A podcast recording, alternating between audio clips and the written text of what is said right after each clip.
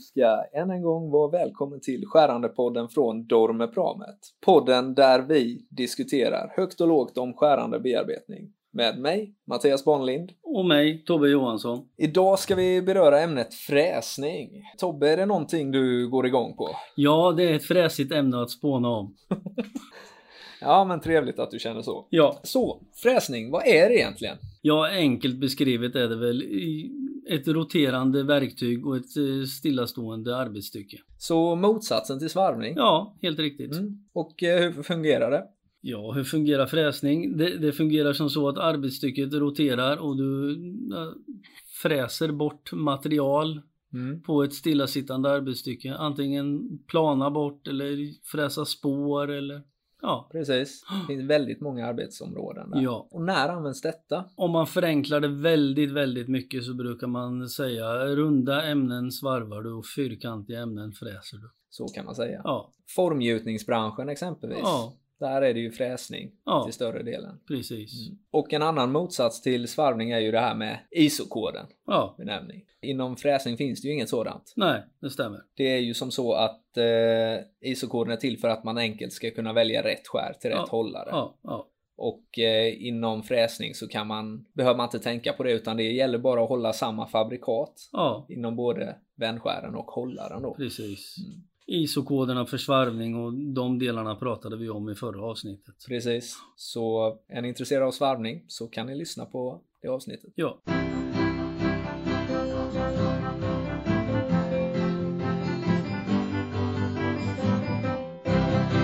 Vad är det som händer inom fräsning på marknaden idag då?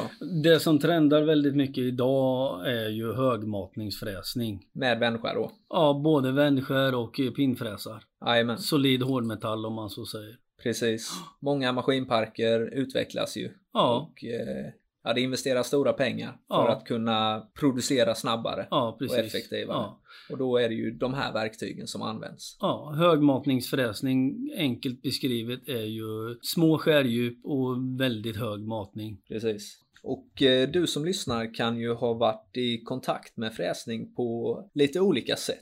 Jag tänker exempelvis så kanske du har kört mycket snabbstålsfräsning. Eller kanske fräsning med ett hård, solitt hårdmetallverktyg. Eller varför inte fräsning med ett vändskärsverktyg. Så, Tobbe. När använder man en vanlig pinnfräs i snabbstål? Vid lite enklare operationer, en manuell fräs till exempel när du ska göra ett spår i, i någonting eller små enkla kaviteter och, och sådana saker. Jajamän.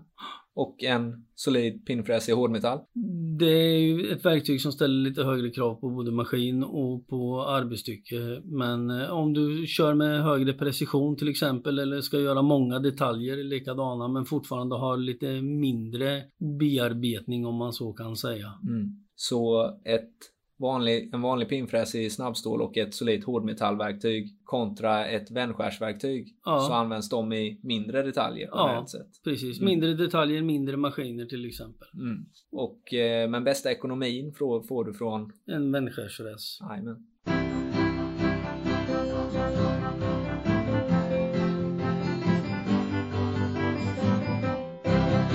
Det finns ju två saker här i livet som eh, alla människor vill ha. Och det är... Det är tid och det är pengar. Okej. Vad tror du jag är på väg? Du är väl på väg mot eh, skärekonomi och, och sådana diskussioner? Ja, jag tänker ju framför allt på våra högmatningsfräsar och Ja. Pramets senaste Förstås. som sparar Ja. allt. Det är klart att du är på väg åt det hållet. Du är ung och driftig och du vill att saker ska gå snabbt. Jajamän. Och eh, jag var faktiskt med om en grej ute hos en kund. Okej? Mm. var när de eh, svarvade stora slunggjutna detaljer i Jonssonmetall då. Skulle göra stora ringar. Mm. Eh, Och det är ju mycket skräp i som sliter.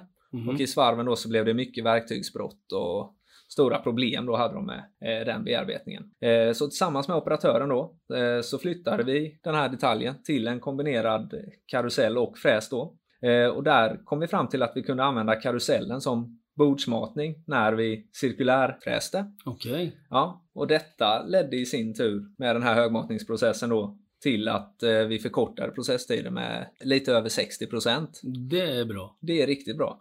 Det var en riktigt bra grej om högmatning. Mm. Men fräsning finns ju i så många olika varianter. Du har ju planfräsning, hörnfräsning, kopierfräsning. Skivfräsning, vinkelänfräsning, fullradiefräsning. Ja, Ja, det finns ju mycket som helst. ja, Ska vi försöka bena ut lite vad det är för något? Och beskriva Ja. lite närmare? ja. Enkelt beskrivet, har du vanlig hörnfräsning till exempel så kör du bara rakt över bordet höll jag på att säga, men du bara planar ytor och grejer. Hörnfräsare är om du vill ha ett 90 graders hörn. Precis, den är ju 90 grader. Ja, Mm. precis. Till skillnad från planfräsning då. Där är Ja, du också planar. ja. Men de är väl oftast 45 grader. 45 eller Ja. däromkring någonstans. Ja. Jajamän. Och sen har vi ju då kopierfräsning. Mm. Kan väl också benämnas som profilfräsning. Ja, precis. Mm. Och du har eh, fräsning med fullradie, Mm. skivfräsar där du kan gå in i sidled och göra Mm. spår. Men om vi benar ut lite, vad är då eh, kopierfräsning? Du fräser ju profiler om man så säger Mm. med det. Om du vill ha, ja, hur ska man beskriva det enklast, vinklar och, och en speciell profil på arbetsstycket Jajamän. du ska fräsa. Precis. Så får du ut det. Lite schysstare detaljer Ja, på det om man säger. Precis. Mm. Yes, och sen så har vi även skivfräsning som är ett utav de mest ekonomiska sätten för att göra Spår. spår. Jajamän. Mm. Och om man säger någonting som är ganska generellt över fräsning. Det finns väldigt mycket att säga om ämnet fräsning. Men något som är generellt är ju det här. Du vill inte ha vatten när du fräser utan du vill ha luft och kyla med till exempel. Jajamän. Ja, Det är väl så att eh, när man fräser så eh, går ju skären in och ut ur materialet väldigt stämmer. snabbt. Och eh, på de här hårdmetallverktygen, de klarar ju väldigt hög värme. Mm. Men det de inte klarar är väl eh, värmedifferenser om Ja, man säger. Precis. Att det blir varmt och kallt väldigt snabbt. Ja, och Mm. då, då får man ofta sprickor i, i verktygen eller Mm. alltså skären flisar ur och så här. Precis. Och de få gånger man kör med vatten är det egentligen för att ta bort spån. Mm. Mm, Luft är att föredra i det här fallet också. För att blåsa väck spåren. Ja, för att Mm. blåsa väck spånarna. Jajamän. Annars får du lätt spånstockning och då kör du sönder verktyget oavsett om du har en pinnfräs eller om du har ett vändskärsverktyg. Precis. Och det är ju det som är väldigt viktigt med själva designen på en fräs. Ja, Om man då kör ett eh, spår med fullt ingrepp igenom Mm. så är det ju väldigt vanligt med spånstockning. ja, Därför är det ju otroligt viktigt att man har en fräs som har en rätt design Ja. i eh, spårfickan ja, för att kunna evakuera. precis. Spånarna. Ja. Och där har du återigen den stora skillnaden mellan stål och aluminium som vi var inne och snuddade på när vi pratade borrning. Jajamän. Lite grann samma regler gäller här. Du vill ha stort spånutrymme. Materialet kladdar gärna på på verktyget så helst av allt vill man ha obelagd hårdmetall. Mm. Så skarpt som det absolut är möjligt.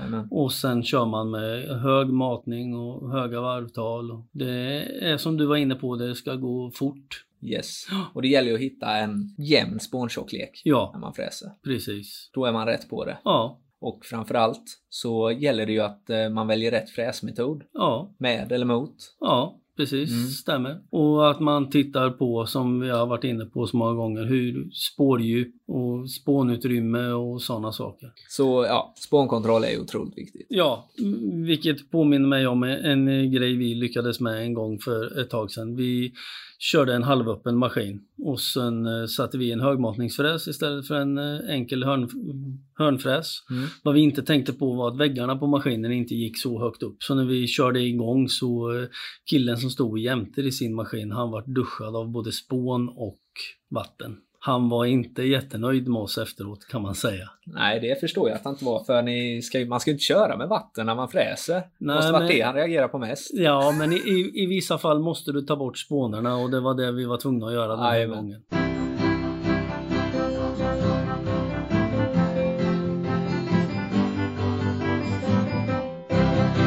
Yes. Eh, jag tänkte ställa en eh, väldigt svår fråga till dig nu Tobbe. Okej. Eh, vi har ju i de tidigare avsnitten då gått igenom hur man väljer verktyg för operation lite så här Ja, snabbt och lätt ja. då, om man säger. Du får välja en fräs, Mm. snabbstål, hårdmetall eller en vändskärsfräs Mm. att köra med. Mm. En.